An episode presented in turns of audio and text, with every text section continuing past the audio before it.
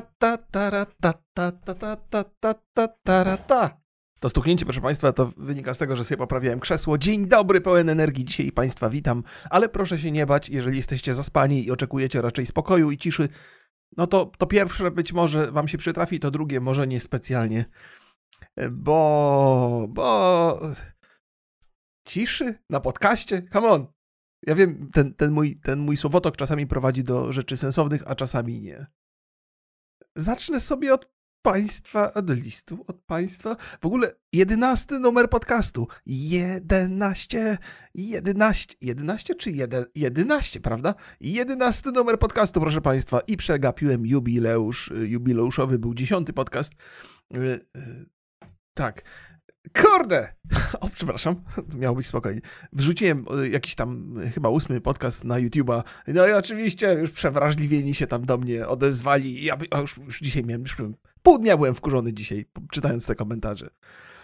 To jest podcast pod tytułem Nie mam pojęcia, albo pojęcia nie mam. To proszę to brać pod uwagę, komentując. To po pierwsze. Po drugie, kurde, no, no, no jak facet mdleje po tym, jak dostanie zastrzyk, to to jest śmiech na sali. No i to nawet nie musi być zły facet, to może być strażak, żołnierz, kulturysta, nie? Ale jak taki zemdleje po, po zastrzyku, to się koledzy będą z niego śmiali. Taka jest prawda, taka jest rzeczywistość i to nie ma w tym nic złego, no. To wcale, to jest, jak mężczyzna mdleje po zastrzyku, to nie jest nic złego, taka reakcja organizmu. A w ogóle dziewczyny lepiej znoszą ból. Tak mi napisał młody człowiek na YouTubie. Myślę sobie, kurde, co znaczy, że dziewczyny lepiej znoszą ból? Skąd ten pomysł? Bo co, bo rodzą dzieci? To jest w ogóle taka zapowiedź y, tego mężczyzny, który bije żonę i mówi, o, no lepiej znosi ból. No, no niekoniecznie. Jesus! Y, więc no nie, to nie jest, nie jest prawda. Facet mdlejący po zastrzyku to jest powód do śmiechu. Jeżeli ktoś zna lepszy, to proszę mi powiedzieć. Jak facet, który się przewraca na przykład na twarz po pijaku, to jest pewnie śmieszniejszy, chociaż niekoniecznie, bo tam jest duży ciężar na tym człowieku, dlatego pewnie jest pod wpływem alkoholu. Nie? Proszę Państwa, mój podcast jest podcastem satyrycznym, E, I to jest, y, to nie jest stand-up, to jest taki sit down. I dzisiaj się zastanawiałem, czym się różni stand-up od sit downu. Stand-up to jest coś, co jest y, y, jakby gdzieś tam mam to z tyłu głowy jako rzecz, którą chciałbym kiedyś zrobić. E, chciałbym spróbować swoich sił, ale jeszcze do tego nie do, dojrzałem najpewniej. Ale to jest też tak, ze stand-upem to jest tak, że wychodzisz i po prostu dajesz ciała przez pierwsze 50 razy, więc, więc chyba y, do stand-upu się podchodzi wtedy, kiedy się do tego nie dojrzało i dzięki temu się człowiek uczy nowych rzeczy. Ale ja mam sit-down. Sit-down różni się od stand-upu tym, że żarty, które się wypowiada, nie są przygotowane. Y, I też odkryłem to w sobie, jeżeli mam żart przygotowany, przemyślany wcześniej, to on mi z reguły nie wychodzi. To też pewnie wynika z tego, że ja nie potrafię opowiadać żartów, dowcipów i innych takich. Próbowałem. Chyba właśnie na podcaście numer 8, a może na podcaście numer 7. Jak ktoś chce usłyszeć żart w moim wykonaniu, to tam. Więc to wszystko trzeba traktować z przymrużeniem oka. E, bo ja tak też te, do tego podchodzę. E, poza, poza moimi, e, poza rzeczami, które czytam tutaj z Państwa korespondencji, bo do tych podchodzę serio, chociaż też staram się trochę z uśmiechem na to spojrzeć. Nawet jeżeli problem jest znaczący, no to staram się znaleźć w tym jakiś promyczek nadziei czy coś, nie? No tak myślę sobie, że też po to Państwo piszą. Ale Państwo też piszą z taką, z, z taką, z takim przekonaniem bardzo często, że sam fakt, że mogą gdzieś napisać, już powoduje, że trochę trawią ten problem, który ich tam spotyka.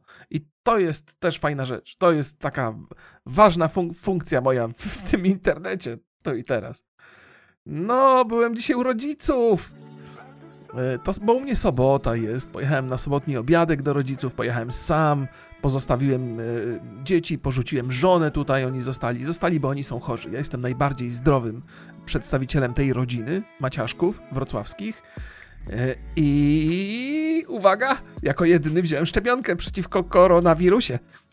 E, więc to pewnie to powoduje, że jestem taki odporny. E, żartuję, oczywiście to po pierwsze pierwsza dawka, po drugie niewiele musi mieć wspólnego z chorobami, które nas męczą ostatnimi czasy. ale muszę przyznać, że na YouTubie też szczepionkowcy się triggerują. O, panie kochany! Ja już szczerze mówiąc, to już jestem trochę zmęczony, nie? W sensie, nie chcesz szczepionki, to sobie jej nie rób. Na razie nikt cię nie zmusza na siłę. Może kiedyś będą cię zmuszali, nie? No ale powiedzmy, że taki antyszczepionkowiec ma rację i ja umrę z powodu szczepionki. No i wtedy on będzie mógł powiedzieć, patrzcie, kurde, mówiłem Maciaszkowi, żeby nie brał i teraz umarł i co, miałem rację. No więc tylko się cieszyć, taki antyszczepionkowiec.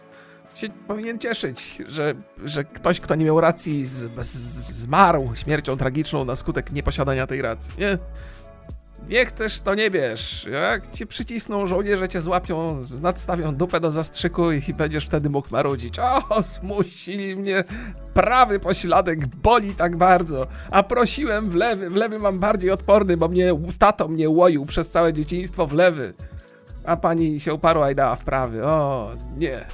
Chociaż jeszcze nie wymyśli takich szczepionek na koronawirusa, które się odbywają w pośladek, prawda? One się odbywają w ramię. Więc, więc to jest inna. No, no, ale antyszczepionkowcy są aktywni na tym YouTubie. Nieustannie się, zawsze muszą się, muszą się odezwać. Muszą zap- Ile ci zapłacili za reklamę szczepionek? Kurde, nie wiedziałem, że można pobrać opłatę za mówienie o szczepionkowaniu. To ja bym chciał, bo ja już parę razy reklamowałem. To byłbym już być może bogaty. Przegapiłem okazję do zarobku. A miałem zacząć dzisiaj od yy, listu. To, to może być ich dzisiaj kilka. Z reguły kończę listem, ale dzisiaj zacznę, bowiem to jest doskonała okazja do wstępu. Panie Remigiuszu, Jestem w trakcie słuchania podcastu numer 4. Tak, wiem, jestem w tyle. Zastanawia się pan, w jaki sposób zachęcić kobiety do słuchania pańskiego podcastu. Niestety chyba się nie da. O nie! Już na dzień dobry taki strzał, bo to pani do mnie pisze. Wydaje mi się, że jest to hermetyczna i specyficzna grupa słuchaczy, która jest z panem już od lat. Ciężko teraz będzie zdobyć nowy narybek. O nie, ja protestuję. Chce mi pani powiedzieć, że mnie nie stać na to, żeby dotrzeć do nowych odbiorców?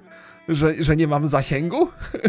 że, że, że, że teraz to mi już będzie tylko ubywać? Że, że moi widzowie są tacy hermetyczni? Protestuję, otóż protestuję. Okazuje się, że to i mam kilka dowodów, by poprzeć te moje teorie. Otóż bardzo wielu nowych słuchaczy pojawiło się po tym, jak wystartowaliśmy z podcastem Rocky Borys. Zupełnie nowe twarze, zupełnie nowe osoby i zupełnie nowe komentarze.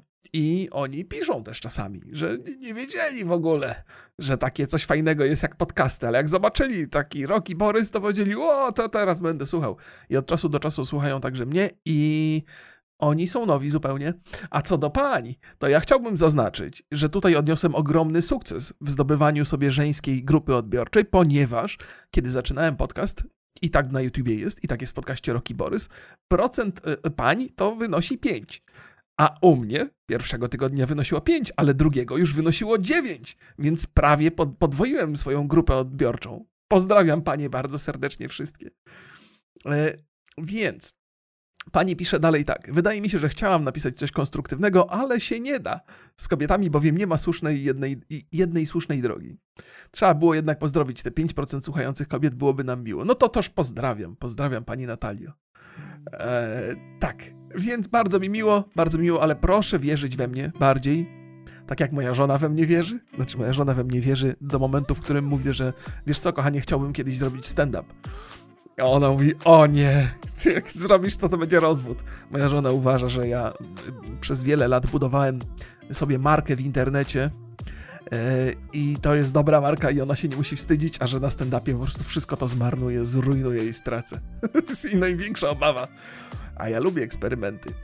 I to byłoby tak totalne, totalne wyjście poza moją strefę komfortu, więc kiedyś to zrobię, ale nie mówcie jej tego.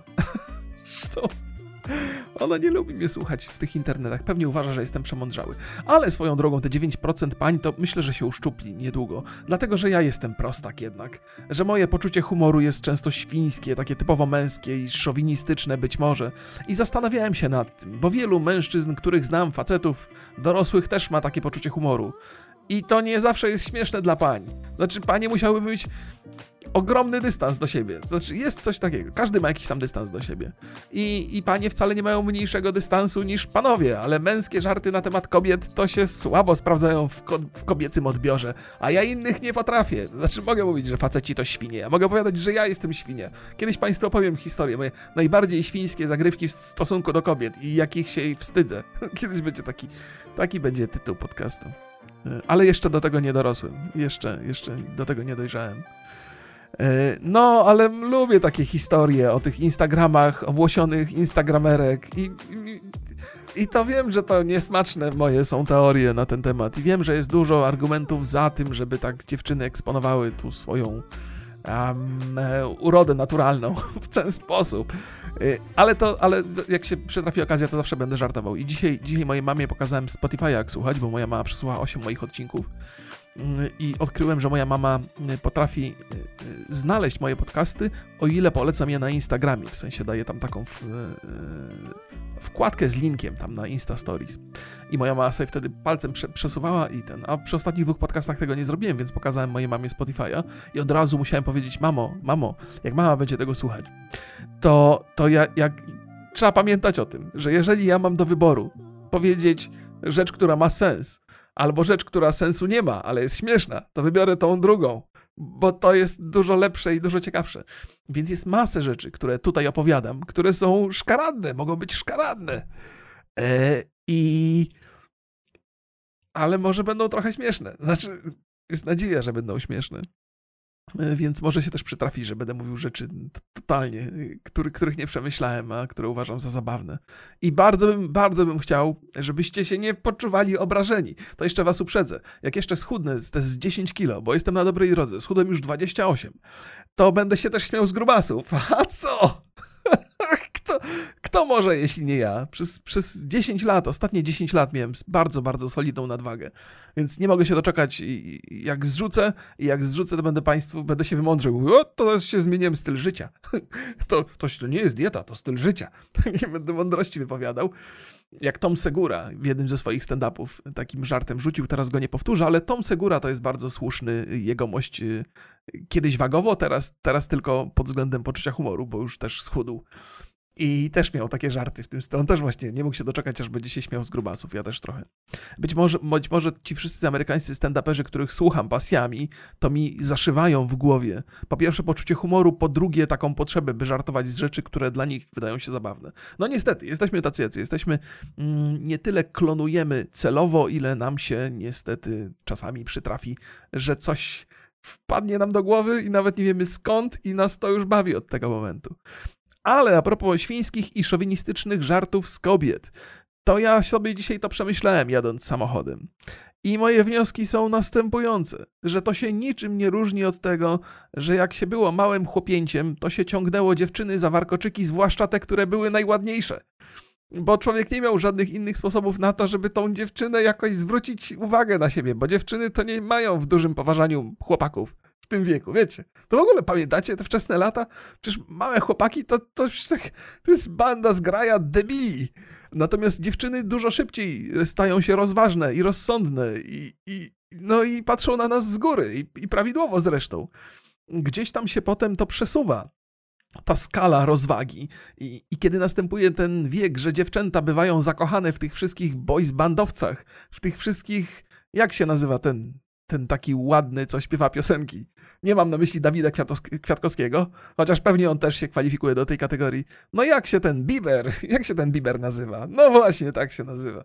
Jak dziewczyny dostają szału na jego, jego, jego widok i mówią, o, dotknęłam Biebera, nie będę myła ręki przez tydzień albo w ogóle oprawię ją w folię no to, to jest ten wiek, gdzie dziewczyny tracą trochę na rozsądku, a, a, a faceci trochę chyba zyskują, chociaż też mają oczywiście swoje wady. I to się tak przekłada, taka sinusoida e, roz, rozsądku zdrowego. No i potem przychodzi ten wiek już taki dojrzały, trochę nawet starczy, może miejscami i ci mężczyźni mają żony, mają rodziny, mają stabilną sytuację, ale oni by chcieli być atrakcyjni dla tych kobiet wszystkich. Znaczy, nie każdy z nich by tą atrakcyjność wykorzystywał do tego, żeby zaraz gdzieś chodzić do łóżka z każdą możliwą kobietą, ale no my chcemy być atrakcyjni, no niestety czas jest nieubłaga, nieubłagalnie upływa. I się robimy grubi, robimy się wstrętni, wstrętni, z, z nosa nam wyrastają włosy, brwi się robią krzaczaste, ale człowiek chciałby być piękny i atrakcyjny. I być może nawet facetom jest w tym wieku łatwiej niż kobietom. Zdecydowanie jest łatwiej. Ale jak się okazuje, że ta atrakcyjność szlaki ją trafił, to co pozostało? Pozostało ciągnięcie za warkocze tych dziewcząt. No i nie wypada ciągnąć, bo to już podchodzi pod jakieś molestowanie i gwałt wręcz. No to się opowiada durne żarty na temat tego, że dziewczyna to z kuchni, ha, ha, o, jaki dzisiaj żart powiedziałem, jaki mam dzisiaj humor. Y, no, ja tak parę razy przesiadywałem z game devem takim. W ogóle mówi się, że traktowanie dziewcząt w game devie jest y, okropne. I ja się zgadzam. To znaczy, tam są takie żarty, że też właśnie w tym stylu. Ten game dev to jest taki właśnie ciągnący za warkocze, ale w taki sposób często. Ale powiem Państwu, że te żarty z dziewczyn w game devie no to się śmiałem z nich, no. No śmiałem się, co mam powiedzieć, co miałem powiedzieć? Nie, jestem oburzony, to nie jest śmieszne. Te dziewczyny zasługują na szacunek. Ale tak sobie myślę, że to nie, te żarty to nie jest okazywanie szacunku. E, jest to trochę ciągnięcie za te warkocze i to jest w ogóle niewłaściwe. Ale tak długo jak te wszystkie żarty są zamknięte w gronie mężczyzn, no to jeszcze ujdzie. To znaczy, my mamy prawo gadać świństwa na temat dziewczyn i zakładam, że dziewczyny powinny gadać świństwa na temat facetów też, jak są same ze sobą. Tak, taką mam nadzieję, że tutaj zostaje zachowana pewna równowaga. Mm, żeby to tylko nie przechodziło do rzeczywistości. A w game devie to się chyba zdarzają takie sytuacje, takie dramatyczne, że to przechodzi do rzeczywistości. Ale ja jestem przekonany i być może najpewniej niesłusznie jestem przekonany, że to jest cały czas ten mały dzieciak, ten mały chłopaczek, który chciałby być atrakcyjny i chciałby zwracać uwagę dziewczyn, ale no nic mu nie pozostaje, tylko ciągnięcie za warkocze. No nic mu nie pozostaje. Chciałby, ale, ale się nie nadaje do tego, żeby go pokochać znowu, bo jest szowinistyczną świnią i, i mu z uszu mu włosy wyrastają. Fuj! No, no, no nie da się, no. A może lepszy taki facet, co tak zarasta i w świnie się zmienia, niż taki, co kurde kupuje for, Porsche. E, I, i, żeśmy ostatnio jechali z żoną samochodem i minął taki ziomek, mówi moja żona, ale, ale Porsche, nie?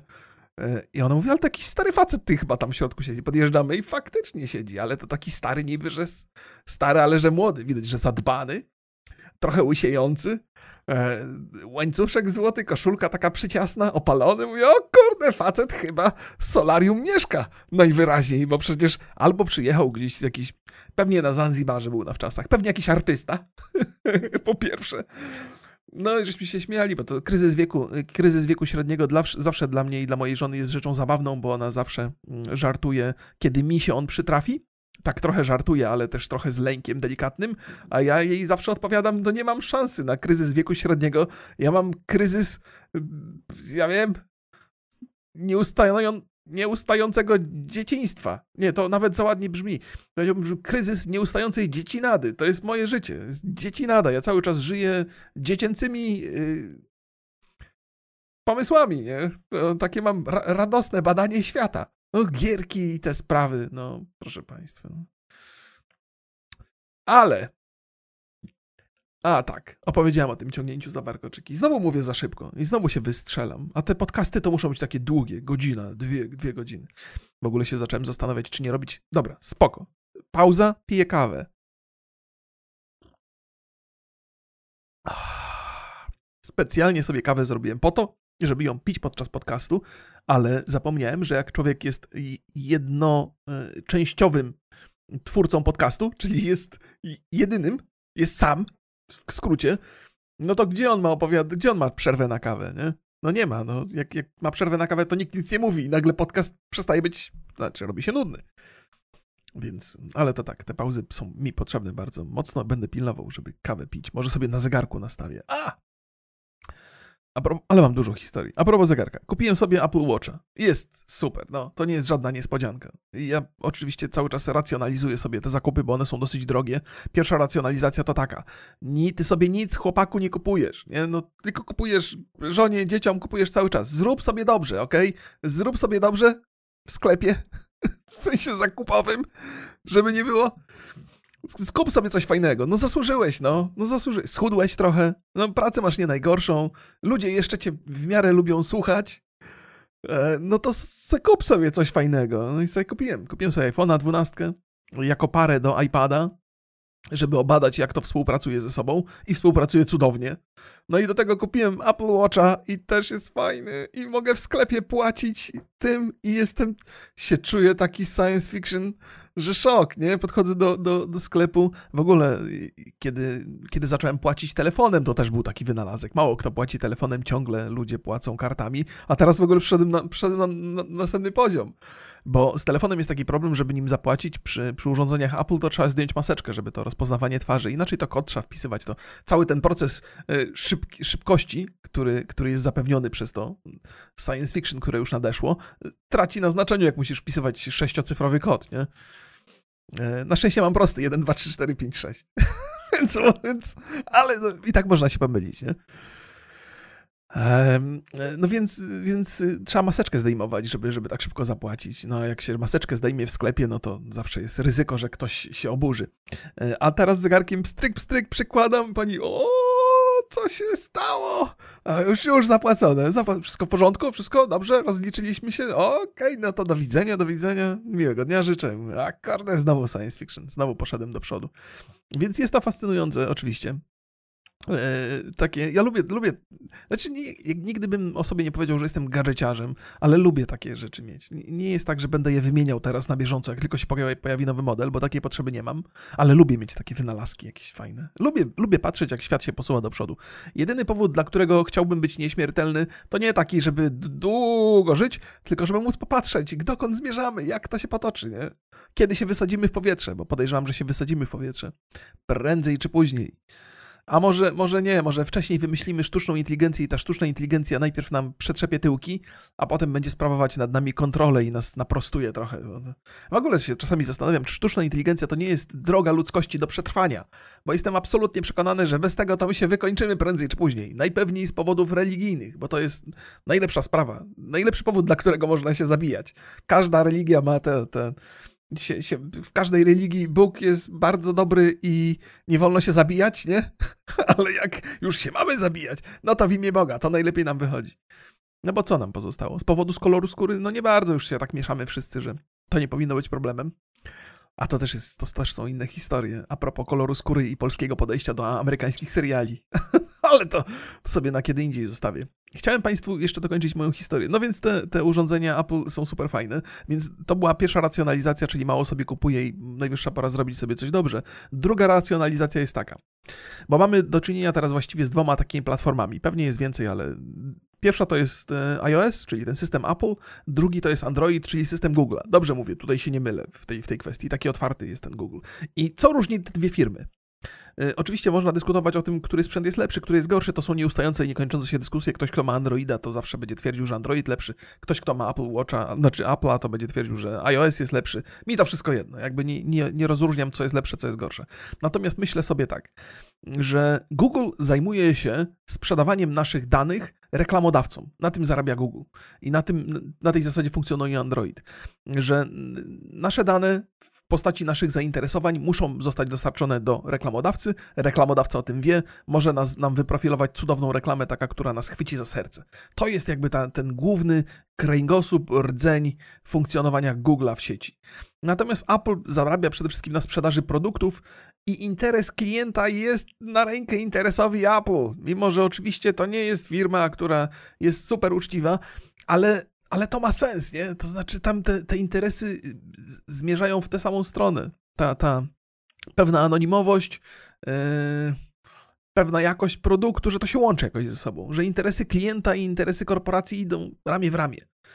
I oczywiście ja jestem daleki od tego, by mówić, że jakaś korporacja jest lepsza od innej. To są wszystko złe twory, to są źli ludzie, którzy chcą zarobić pieniądze na, na nas i, i żyć jak królowie, jak cesarzowie, jak carowie i mają wywalone na nasze dobre samopoczucie i na naszą anonimowość i na szanowanie naszych y, y, wiedzy, znaczy bycie dyskretnym y, w związku z wiedzą na nasz temat. Nie? To nie, nie, nie jestem tutaj naiwny.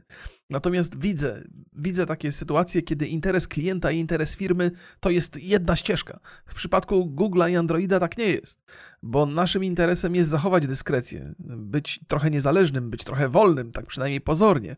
Natomiast interesem Google'a jest naszych informacji na nasz temat. Z tego się Google utrzymuje, nie? Z całą, moją sympatią do Google'a.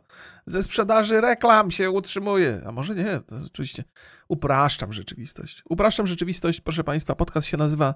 Mm, jak on się nazywa? Pojęcia nie mam, jak on się nazywa. no więc wedle mojej banalnej wiedzy to, to mi się tak wydaje, że, że tutaj tak się jakoś złożyło, że interes Apple i interes klienta, że, że, że, że na razie zdążają tą samą ścieżką. może się potem okazać, że jak wszyscy się przerzucą na Apple, to te ścieżki się rozejdą błyskawicznie, bo tak to działa. Ale na razie to jest nie najgorszy kierunek. Więc to jest moja druga racjonalizacja. Czy ona ma sens, czy nie? Nie mam pojęcia i chyba się nie dowiem, bo pod Spotify'em nie mam komentarzy, więc nikt nie naprostuje. Będę mógł w swojej ignorancji trwać i jestem szczęśliwszy w związku z tym. Jak mówią, ignorancja jest błogosławieństwem, więc ją sobie błogosławię więc jestem błogosławiony. Tak? Można by rzec? No, proszę Państwa, jak to miło jest w tej ignorancji żyć, to tak jakby nie oglądać TVP, y, TVN-u i wiadomości Polsatu. I nie wiesz, co się dzieje i jesteś szczęśliwszy, ale potem przychodzi, yy, przychodzi informacja, przychodzi do ciebie sąsiad i mówi, panie, słyszał pan o tym nowym ładzie? Ja mówię, o kurde, nowy ład? To brzmi jak jakiś czarny scenariusz w grze komputerowej. Była taka gra, jest taka gra, Wolfenstein, New Order, to jest nowy porządek bardziej, ale nowy ład mi się kojarzy. To nie, to nie zapowiada się dobrze, w sensie, ale wiem, to polityczne są pomysły. Gdybyście Państwo nie śledzili telewizji, tak jak ja, no to już w najbliższym czasie dowiemy się, jakie są plany naszego rządu wobec nas. Mam nadzieję, że te plany będą się sprowadzały do tego, chcemy, żeby Wam było dobrze i będziemy Wam robili dobrze ale nie na siłę. Będziemy wam robili dobrze, delikatnie i tylko za waszą zgodą. Tak bym chciał, żeby nam powiedzieć, ale nie powiedzą nam. Oni powiedzą nam, proszę państwa, doszliśmy do wniosku, że mm, klasa średnia to jest zbyt duża w tym kraju i musimy ją zredukować, więc wyprodukujemy paru oligarchów. Już mamy dobrą praktykę w tej materii. No i będziemy wspierać wszystkich tych, którzy klasą średnią nie są. W związku z tym wszyscy będą klasą najniższą i będzie paru oligarchów i to jest dobry scenariusz. Tego się, tego, tego to, to przewiduję w kwestiach politycznych, ale mam nadzieję, że się mylę. Och, jak ja mam nadzieję, że się mylę. Czasami jest tak, że chcecie mieć rację, y, chociażby po to, żeby ją mieć, że to jest takie, miałem rację, byłem lepszy od tych wszystkich, którzy nie mieli racji. Natomiast w kwestiach politycznych dotyczących naszego cudownego kraju, to bardzo bym nie chciał mieć racji, bardzo bym się chciał mylić. A jest, jest szansa na to, bo ja się mylę dosyć często. Nie interesuję się tak bardzo, więc, więc jestem optymistyczny. Jeżeli chodzi o nowy ład, na pewno. Na... Jest, wydaje mi się, że to będzie najgorsze, co spotkało nasz kraj, ale w związku z tym, że się tak często mylę, to jest wielka szansa, że jeżeli tym razem nie mam racji, zatem y, należałoby zakładać z rachunku prawdopodobieństwa, że to będzie doskonały plan, który fantastycznie wpłynie na, na rozwój naszego państwa. Czy nie? nie wiem. Zobaczymy. Moja żona powiedziała: Dobra, wyjeżdżamy do Norwegii. Ja mówię: Czekaj, jeszcze nie ogłosili nowego ładu. Wyjeżdżamy, okej. Okay? Bo tak się złożyło, że, że moja teściowa, jako osoba już y, nie młoda, co jest dosyć oczywiste, i z problemami zdrowotnymi, zatrudniła do pomocy y, panią z Ukrainy. A tak się akurat składa, że ta pani z Ukrainy ma także męża z Ukrainy i mają także dziecko z Ukrainy. Od taka ukraińska rodzina, która przyjechała tu do Polski przed, przed, przed pięciu laty. Y, I pracują tu w Polsce na takich stanowiskach nie, niezbyt wysokiego szczebla. Mieli znacznie lepszą pracę na Ukrainie, natomiast z tej lepszej pracy na Ukrainie wyżyć się nie dało wedle ich, y, wedle ich mm, opowieści.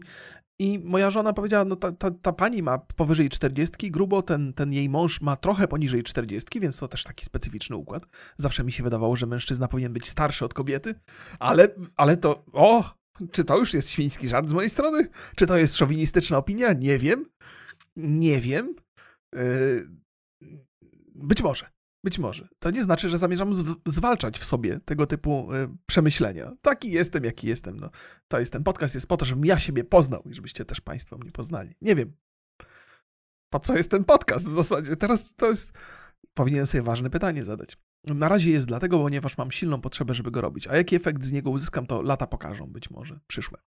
I może dla mnie, i może dla Państwa również. Więc, więc jak moja żona się przekonała, że ludzie tak wiekowi, z, z, z, z dzieckiem, które już jest prawie dorosłe, ale przyjechali tutaj, kiedy było dzieckiem, dzieckiem, sobie poradzili, to może my też, bo to jest y, ja często mówiłem o tym, żeby wyjechać z, z, Polski.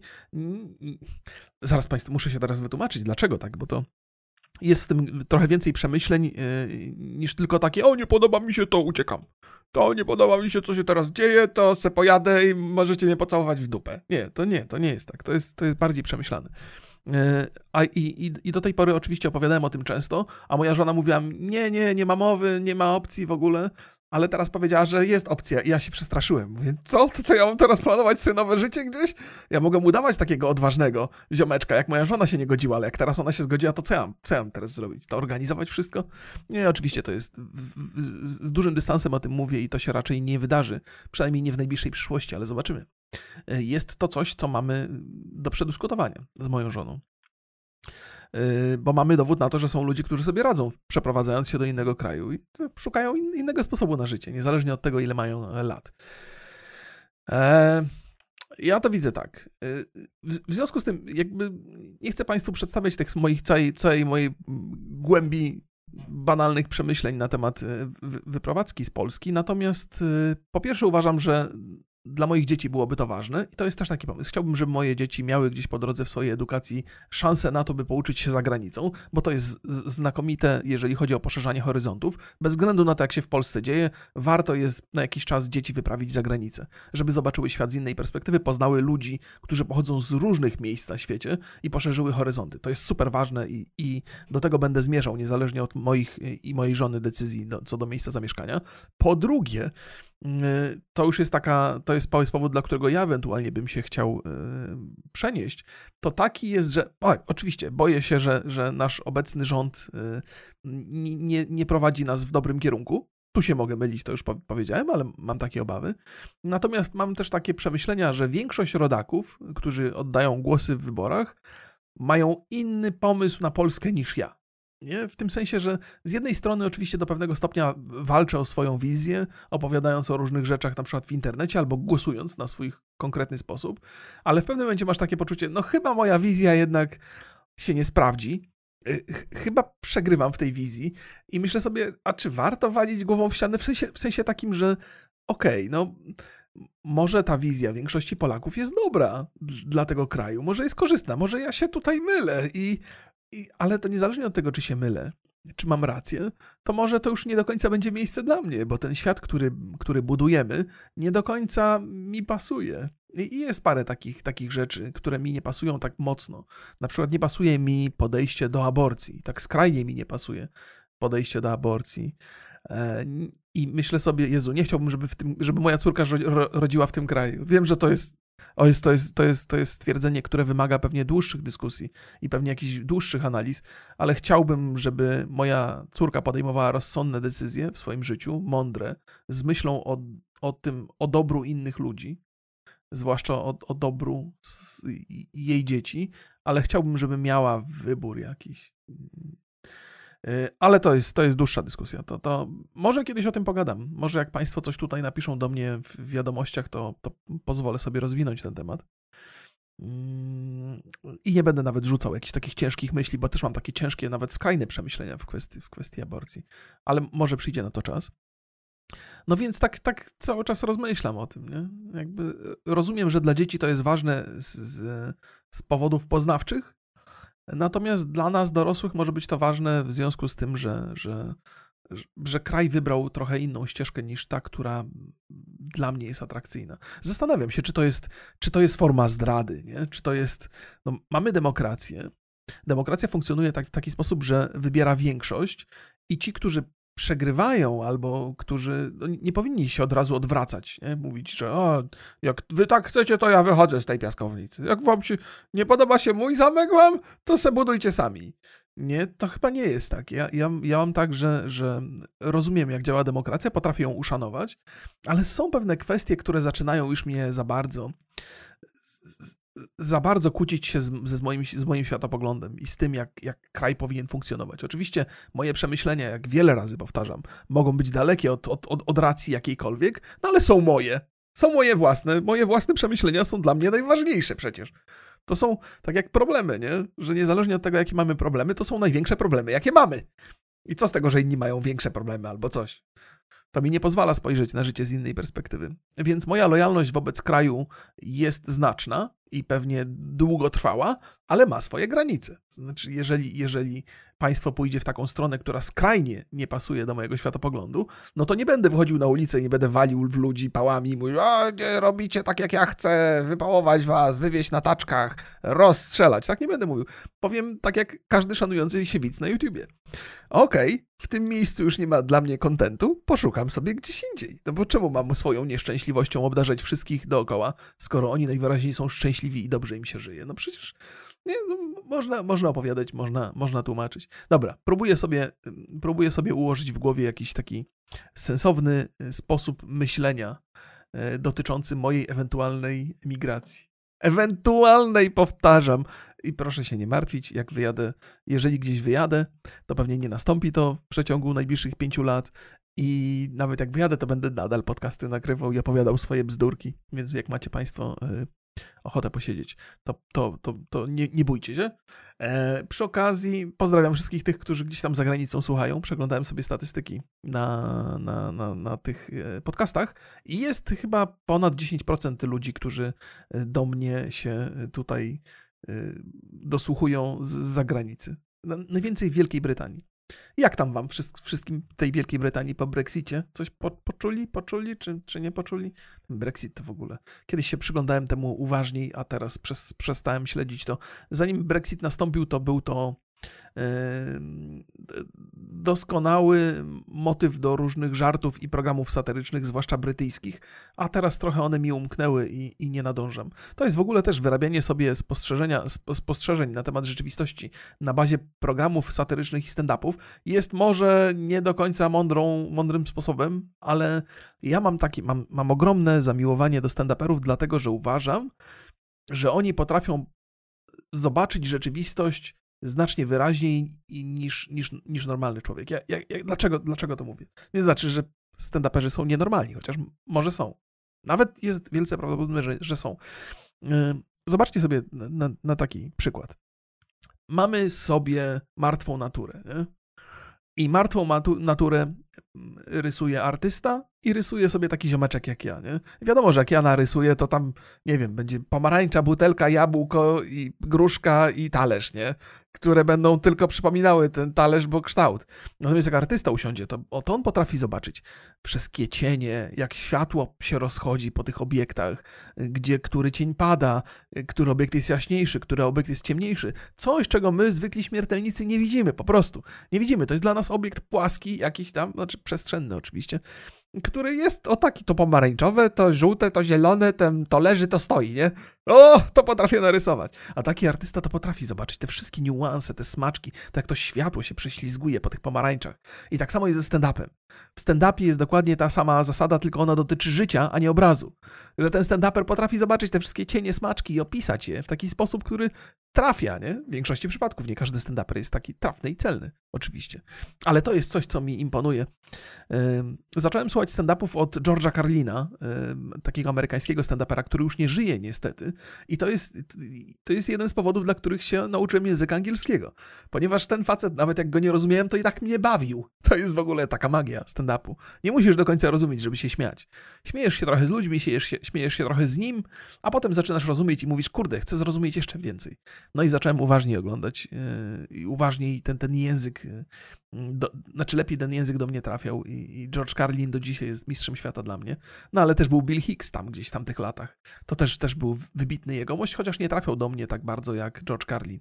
Bill Hicks jest dużo bardziej wymagający intelektualnie i być może wtedy, kiedy go oglądałem, jeszcze nie byłem w stanie tak dobrze przyswoić tego, co on mówi. Nie wiem, czy dzisiaj jestem w stanie przyswoić. To jest taki miernik, yy, nie wiem, in, intelektu, ale nie takiego, którego się mierzy równaniami matematycznymi, tylko takiego intelektu, nie, jeżeli chodzi o postrzeganie rzeczywistości. No bo tam są różne te IQ, nie?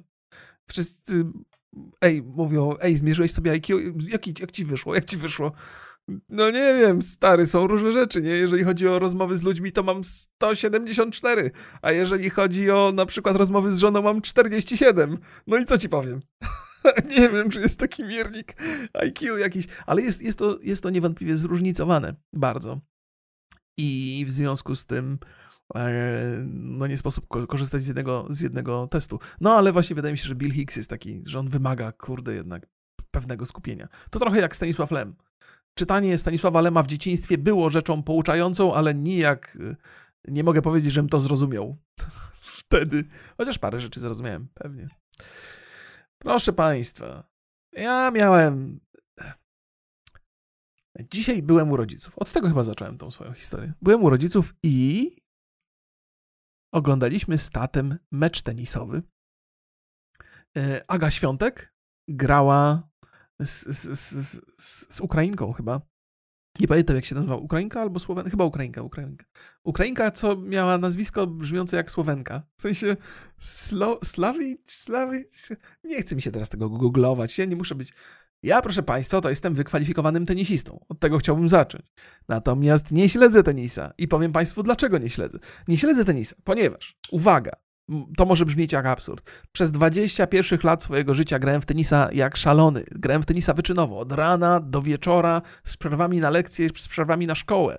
Nawet jak grałem w tenisa w wakacje, to nawet na obiad do domu nie przychodziłem. Tylko żeśmy jedli obiad w, przy jakiejś restauracji, w restauracji przy kortach i wracaliśmy na trening. Od rana do wieczora. Ja byłem wyczynowiec pełną gębą, nie? Wstawałem o 5 rano przed szkołą, szedłem na treningi do 8, o 8, bo treningi odbywały się w szkole, w której się uczyłem siedziałem na lekcjach, potem wychodziłem, robiłem lekcje, wracałem na trening, siedziałem do wieczora. Taki byłem, nie? I oglądało się te tenisy. Y, I, I człowiek miał to poczucie, że trochę ten świat, który jest na kortach tenisowych w telewizorze, to jest, jest mu bliski. To, no więc ja jestem tenisistą pełną gębą, to znaczy byłem. Ale potem nastąpił taki czas, kiedy mi się przydarzyły jakieś kontuzje. Ta kontuzja to przede wszystkim lenistwo z uprawianiem, bo chciałem być młody, piękny i atrakcyjny dla dziewczyn i, i, i, chodzić na dyskoteki, nie? Ale i tak nie chodziłem na dyskoteki, bo nie wiedziałem jak tańczyć. Ale chciałem chodzić do, do barów i knajp z kumplami i rwać laski.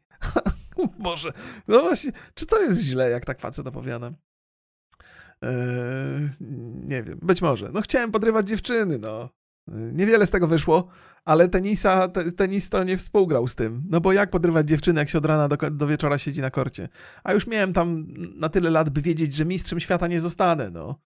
Gdybym miał dzisiejszy rozum i sprawność młodzieńczą, to pewnie byłbym świetny, ale to tak nie działa, nie? Człowiek mądry, jak już jest za późno.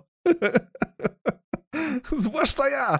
Cholerny świat. Dobrze, że internet się przydarzył. Ja nie wiem, co ja bym dzisiaj robił, gdyby nie ten internet. Pewnie bym był pewnie bym wymyślił coś sensownego. Jak znam siebie, pewnie miałbym firmę budowlaną. Ja ciągle myślę sobie, że byłbym dobrym, kurde, szefem firmy budowlanej, bo trochę znam budownictwo i, i, i, i podejrzewam, że gdybym e, firmę budowlaną prowadził z równą starannością, co prowadzę swoją działalność w internecie, to ja, by się udało. Ale i to pewnie by się udało lepiej niż w internecie, bo teraz firmy budowlane to kroją takie pieniądze, że szok. Ale pewnie nie wszystkie. No to różnie bywa, nie? Y, ale o czym to ja? A właśnie, że te tenisy. No i nie mogłem oglądać tenisa, ponieważ jak za każdym razem, jak widziałem tenisistów, to mi się odpala w głowie, opowiadam Państwu o, tym, o tych neuronach lustrzanych, że człowiek jak widzi innego, to ta empatia, to wszystko tak zaczyna działać, że te ruchy się powiela i tak dalej. Jak się grało przez kilkanaście lat w tenisa i potem się patrzy na innego tenisistę, to nie sposób na krześle usiedzieć. Znaczy ja nie mogłem usiedzieć na krześle, a jak Polacy grali już w ogóle, to mi jeszcze emocje do tego dochodziły, po prostu latałem jak szalony. Po prostu miałem po, po pięciu minutach ochotę wyjść i biec na kort, bo nie mogłem wytrzymać, nie mogłem na to patrzeć. Jak widzę, że tenisista zagra coś, co ja bym inaczej zagrał, to mnie szlak trafia. Szkoda, że na Szkoda, że na kortach tenisowych nie ma czata, bym zaraz napisał w prawo, w prawo! Forehand zewnętrzny, gdzie mu grasz? Ja w ogóle byłbym świetnym komentatorem tenisa. Znaczy nie wiem, czy bym się nadawał, bo oglądałem te komentarze tenisowe i one są takie kulturalne, takie wysublimowane. Tam to jest, to jest y, tenis, to jest sport wysokich lotów i tam trzeba się zachowywać mm, z, odpowiednią, z odpowiednim szacunkiem, pewnie. A ja bym mówił, no gdzie w tą siatkę? No trzeci błąd pod, pod rząd. Kurde, Aga, no daj spokój. Y, bo tak, trzeci raz, kurde, pierwszy serwis skopany. Jak ty w ogóle robisz te pierwsze serwisy? Drugi ma. Aga Świątek ma taki świetny drugi serwis, że to się w pale nie mieści. On jest taki dokładny i taki jest taki jest powtarzalny, tak wielokrotnie. On, nie widziałem ani razu na tym meczu, że popełniła podwójny błąd serwisowy. Więc, ale ten pierwszy to po prostu jakiś jest straszny, ten jej pierwszy serwis. Nie wiem, co tam się wydarza. Ale w ogóle świetna zawodniczka, co ja się tam będę wymądrzał. Ale bym się wymądrzał, będąc komentatorem. No nie, no nie. Och, opowiem Państwu. Opowiem Państwu ten, e, o tym meczu z powodu, z, z, kilku powodów. W zasadzie w związku z tym, że przyjechałem do rodziców dosyć późno, tato przyszedł, włączył mecz, żeśmy zaczęli oglądać. W międzyczasie żeśmy omawiali coś, jakieś rzeczy związane z umowami, bo mi tam tato pomaga przy sprzedaży samochodu, który kiedyś był na firmę, a teraz będzie na osobę prywatną, dużo złożonych kwestii. Ale mój tato zawsze się strasznie wkręca w te rzeczy. Lubię, jak on mi pomaga w tych kwestiach. A czasami się tak wkręca, że mi opowiada o rzeczach, które w ogóle nie są istotne dla, dla, dla sytuacji. Na przykład dzisiaj mi opowiadał, co by było z podatkiem, gdybym samochód wcześniej chciał sprzedać. Ja mówię, tato, ja ledwo rozumiem, co się dzieje teraz, a tato mi opowiada, co by się wydarzyło, gdyby coś innego miało miejsce. Czy ja tego w ogóle nie ten? To nie do mnie. Ja bardzo, bardzo, bardzo podchodzę jakby rzeczy, które zajmują miejsce w mojej małej mózgownicy, są tak, tak są dokładnie wpasowane, że nie mam tam miejsca na nic innego. Więc jak mi ktoś opowiada rzeczy, które nie są mi potrzebne, albo nie interesują mnie, albo mogę bez nich żyć, to ja odpływam od razu. Ale żeśmy zaczęli e, oglądać ten, ten mecz i po prostu się wkręciłem tak od razu. E, właściwie końcówkę drugiego seta oglądałem. Aga, Aga Świątek e, wygrywała 4 do 2 i zaczęło, zaczęła ją gonić ta Ukrainka. I tato, ja mówię przy 4-2, mówię, tata, to już, to już po sprawie, to już wygrała, to nie, nie, ma, nie, ma, nie ma opcji, nie ma się co martwić. A tato mówi, ty czekaj, ta Ukrainka to jest to, ona sobie nie da tak w kaszę dmuchać, nie? Ona to jest, to jest zawodniczka, ona już była w top 3 była w ATP. E, zaraz, ATP to jest męski chyba, nie? WTA? Jak to jest tam? Women Tennis Association? Już nie pamiętam. Może sobie przypomnę zaraz, zaraz jak, jak Dawno o tym nie rozmawiałem, więc wylatują mi takie rzeczy z głowy. No i żeśmy kibicowali tej Adze. E, swoją drogą cały czas mi przychodzi do głowy, do głowy taki, taki żart, że jest taki piłkarz Piątek się nazywa i że były takie plotki, że, że Aga Świątek i ten piłkarz Piątek, że, że, że są, się mają ku sobie. To pewnie tylko plotki w ogóle, nic nie mają wspólnego z rzeczywistością, ale ktoś zabawny dowcip opowiedział, że gdyby e, do, doszło do jakiegoś zamąż pójścia, czy, czy tam ślubu i e, pani Aga zdecydowałaby się na zachowanie dwóch nazwisk, to by się nazywała Aga Świątek Piątek i to jest zawsze bardzo wesołe. Nie wiem, znaczy wiem czemu. No, jest to wesołe i nie, nie mogę przestać o tym myśleć za każdym razem, kiedy widzę tą naszą wybitną, utytułowaną tenisistkę. Ale to młoda dziewczyna, dwadzieścia parę lat ma.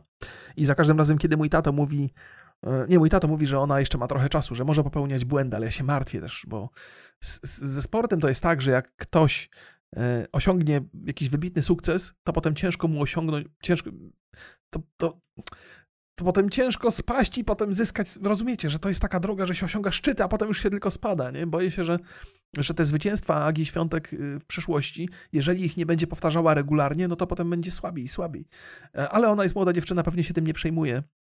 E, więc moim zdaniem ciężko jest młodemu człowiekowi też tak pomyśleć, że a, że teraz nie muszę być taki wybitny, będę za parę lat. Chyba nie ma w ogóle czegoś takiego. Zwłaszcza, zwłaszcza w sporcie, nie? Jesteśmy tu i teraz i na, napierdzielamy na maksa.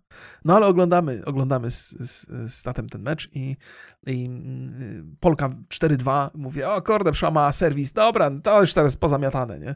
Ale najważniejszy jest następny gem, czyli siódmy gem. Jest takie powiedzenie w tenisie. Nie wiem, czy ono, jakby komentatorzy na to nie zwrócili uwagi, ale może to się zmieniło, ale ten, kto wygra siódmego gema, to z reguły, to jest ważny gem, siódmy, nawet jak się przegrywa, to ten siódmy gem ma jakieś znaczenie. To jest, nie wiem, czy to jest związane z cyfrą 7, czy to jest związane z tym, że generalnie to jest środek tego seta.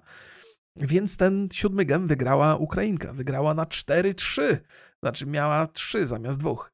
Potem chyba było 4-4, potem 5-4 dla Agi Świątek, 5-5. Zatem od tego punktu 4-2 Ukrainka wygrała 3 gemy, Aga Świątek wygrała tylko jednego. Więc sytuacja była skomplikowana, ale potem ale potem po prostu ta nasza Polka jak zaczęła, już ta, ta Ukrainka chyba tak jak podgoniła, podgoniła Polkę, to chyba miała takie przypuszczenie, tak teraz, to, teraz to zrobię. I to jest bardzo psychologicznie istotne, ponieważ uważajcie, Aga Świątek wygrała pierwszego seta 6-2, w drugim prowadziła 4-2. To jest taki moment bardzo niebezpieczny dla morale zawodnika. To znaczy masz takie poczucie, że już wygrywasz i teraz tylko dociągnąć do, do końca. To tak jak dla tych, którzy grają w gry komputerowe, to jest jak walka z ostatnim bossem i zostało ci malutki pasek życia, tylko mu jeden cios zadasz, zaczynasz się niecierpliwić i on cię wtedy zjada, nie? Tak samo jest w tenisie, tak, chyba w każdym sporcie tak jest, ale w sportach indywidualnych zwłaszcza tak jest, że tak chcesz szybko dokończyć, że zaczynasz popełniać błędy. I ta Ukrainka to wykorzystała. Ta Polka trochę zwolniła i ta Ukrainka zaczęła tak, kurde, mówi, ja cię kręcę, ale ciśnie. 5-5, mówię, no to niedobrze, niedobrze. Ale zadeklarowałem się, że, że Polka już wygra na 100%, więc nie będę nie będę tutaj przed tatem e, pokazywał, że się martwię. Mówię, e, będzie dobrze, będzie do, do przodu, nie? Ale w środku myślę, cholera, niebezpieczna sytuacja. Bo jakby mm, Polka przegrała tego drugiego seta, to właśnie była w, takim, w takiej byłaby moralnej zapaści wtedy, że, że miała już, no, już prawie wygrywała, ale teraz nie udało się no i trzeci set to już na pewno będzie przegrany, nie? Ale wtedy właśnie Aga Świątek pokazała, dlaczego jest mistrzynią. Po prostu zaczęła tu i tam, i w prawo, i lewo. I te dwa ostatnie gemy, do, zwłaszcza ostatni, do 7-5, poszły po prostu jak z płatka. Ją po prostu tak ją... Z tak, to jest tak, takie, dała jej nadzieję tej Ukraińce, dała jej nadzieję. Mówię, no chodź, zobacz, chodź, chodź, podejdź bliżej.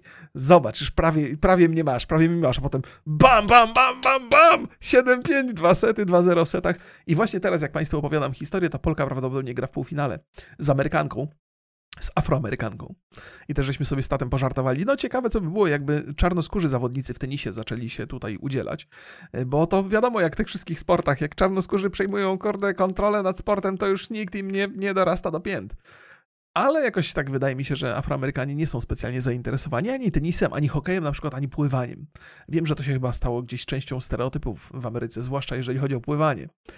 E, ale nie wnikam w to, bo my żyjemy w Polsce, tutaj za bardzo nie mamy czarnos, e, czarnoskórych przedstawicieli e, lekkoatletyki jakiejkolwiek, więc trudno mi sobie wyrobić opinię, dlaczego tak jest, a nie inaczej.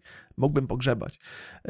No, ale to bardzo byłem, bardzo byłem zadowolony i, i jeszcze byłem z jednej rzeczy zadowolony. Ja mam zawsze tak, z moim, z moim ojcem, mam tak, że każda rozmowa, którą my prowadzimy, jest w jakiś sposób pouczająca. To znaczy, ja mam jakieś coś mam z tego wyciągnąć. Takie mam wrażenie i zawsze mam takie poczucie, że, że, że ilekroć rozmawiam z tatem na jakikolwiek temat, to jestem trochę pouczany, jestem trochę przeszkalany. No. Y, to jest dobre intencje oczywiście, ale jak człowiek ma 44 lata, bo już do tego zmierzam, to już człowiek nie chce być przeszkolany, chce sobie o dupie maryny od czasu do czasu pogadać, nie? Tak bez sensu zupełnie, o niczym. I odkryłem, dlaczego ja tak zawsze lubiłem oglądać sport z moim tatą. Ponieważ jak się ogląda sport z moim tatą, to on nie powa- to właśnie gadamy o dupie maryny. O jakichś takich rzeczach związanych z tym, a kurde, że, że ta Aga Świątek, mój tata mówi, że ona jest taka spokojna, że, to jest, że ona jest niezwykle spokojna. Ja mówię, kurde, ale, ale może tak nie jest właśnie, może, może jak człowiek jest bez emocji, to mu nie zależy na zwycięstwie, że muszą być te emocje, że i tak, o takich rzeczach sobie gadamy właśnie związanych ze sportem, z podchodzeniem do tego, że z jednej strony spokój jest bardzo ważny, żeby, żeby się nie łamać e, porażkami, ale z drugiej strony te emocje pozytywne, które napędzają nas po sukcesie, powodują ten wzrost morale, że, że wręcz to wpływa na nasze fizyczne możliwości, że adrenalina skacze, że precyzji nie ubywa. Y, więc to też jest bardzo istotne. Nie? I gdzie tu znaleźć jakiś środek między takim super psychologicznym spokojem, związanym z, z, z kontynuowaniem walki?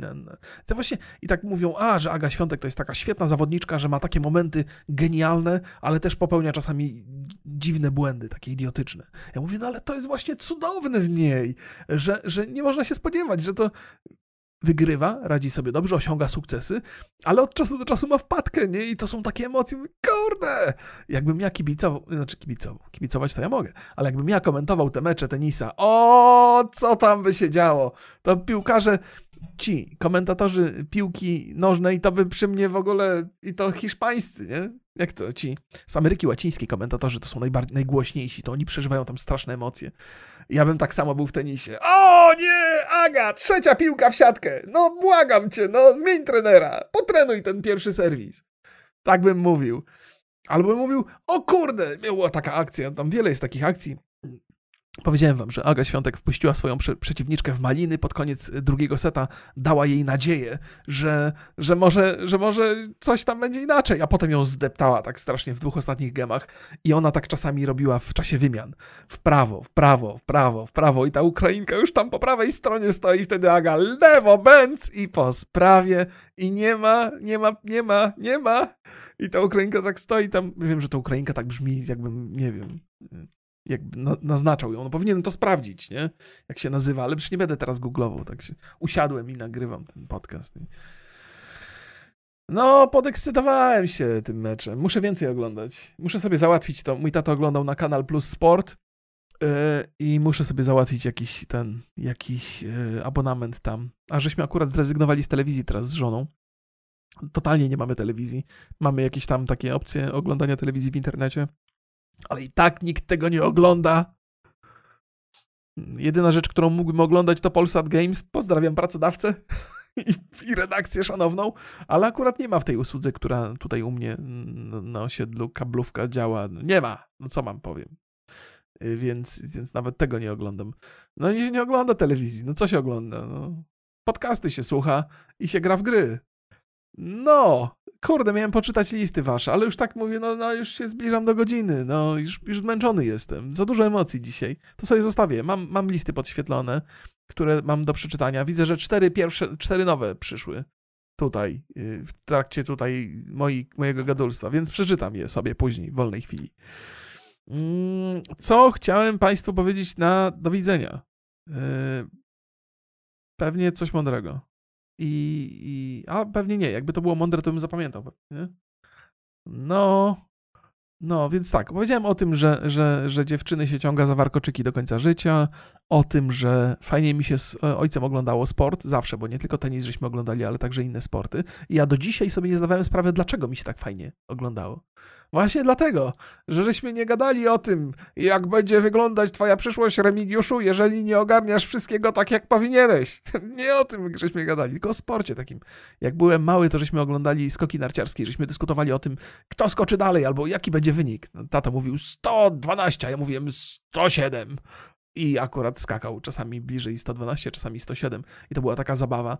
I myślałem, że to mnie rajcuje, to takie zgadywanie, ale tak naprawdę rajcowały mnie rozmowy o dupie maryny, które nie miały żadnego wpływu i znaczenia dla mojej przyszłości, która nadchodzi wielkimi krokami. Tato! ja wiem, no i co, mam dzisiaj 44 lata. I dalej, dalej większość naszych rozmów to jest takich, że że co tu zrobić lepiej, żeby było lepiej. Teraz to jest dużo rozmów na temat tego, w jaki sposób ja wychowuję dzieci. Bo wiecie, o, ej, halo, stop, to już rodzice nie powinni, dziadkowie nie powinni w to wkraczać. A tak sobie rozmawiamy dosyć swobodnie. Ja zawsze mówię, zawsze mnie irytują te, jak mi rodzice dają porady rodzicielskie. Ja mówię, jakby takie, w środku już głowy mówię, jak, jakbyście byli takimi dobrymi rodzicami, jak wam się wydaje, to bym był dzisiaj prezesem Kordy Orlenu, a nie jakimś youtuberem, okej? Okay? No! O, Jezus. Um. Może właśnie, kurde. No. Może tak by było. Może tak było. I poza tym, ja nie jestem youtuberem. W ogóle mam świetną listę do pokazania. Yy, gdzieś na, na, na Facebooku znalazłem i sobie zapisałem listę najmniej popularnych zawodów wśród Polaków, wedle Polaków, najmniej szanowanych. I wiecie, co jest najmniej szanowanym zawodem? Influencer! Bitches! Influencer, czyli co? Czyli dlaczego? Jakim prawem? W sensie ma to sens. Ja też nie lubię influencerów. E, influencerzy są straszni, no i nie są lubiani za bardzo. Ale kto ogląda tych influencerów? Przepraszam bardzo, ja nie wiem, czy ja się jeszcze kwalifikuję do influencerowania. Może mogę Państwa zainfluensować i kupią Państwo kawę, którą piję, ale znowu zapomniałem sprawdzić, jaka to kawa. Więc nie będę influensował dzisiaj Państwa. Mo, może, może w przyszłości. To jeszcze nie skończyłem. Jeszcze będą historie, chociaż nie, to jest źle. Jak, jak już się pożegnam raz, jak się, jak się, muszę sobie zapisać, żeby pamiętam Państwu powiedzieć. Jak się człowiek raz pożegna, to trzeba już kończyć, bo, bo część y, widzów podcastu, kiedy usłyszy do widzenia, to znika. W tym momencie jest taki spadek gwałtowny. Musicie się przyzwyczaić do tego, że ja to lubię powiedzieć do widzenia i potem gadać przez kolejne pół godziny. Niby na liczniku to widać, ale potem na wykresie też widać. Pierwsze do widzenia już pings, Ludzie mówią, ja, dobra, wychodzę, siku mi się chciało cały czas, teraz wreszcie skończył. Idę, idę, idę. No to pozdrawiam was serdecznie. A, chciałem powiedzieć, że e, pośród najmniej szanowanych zawodów w Polsce obok influencera jest zaraz ksiądz, więc nie jest tak źle. Jeżeli nadal się kwalifikuję do tego zawodu, to w zacnym gronie wylądowałem. Nie? Strasznie mi przy, nieprzyzwoity żart przyszedł do głowy, ale nie będę mówił. Nie dzisiaj. Nie teraz. Jest, prawie jest niedziela, prawie święty dzień. Nie, nie powiem tego. Ale proszę Państwa, powiecie, ej, no Remigiusz, no nie zostawiaj nas z takim niedopowiedzianym żartem. No to powiem, no jakie żarty na temat księży dzisiaj chodzą? No jakie chodzą? No, no w ogóle uruchomcie wyobraźnię, to nie potrzebujecie mojego dowcipu. Pozdrawiam Was bardzo serdecznie. Całusy dla wszystkich, yy, zwłaszcza atrakcyjnych słuchaczy. Trzymajcie się. Pa, pa.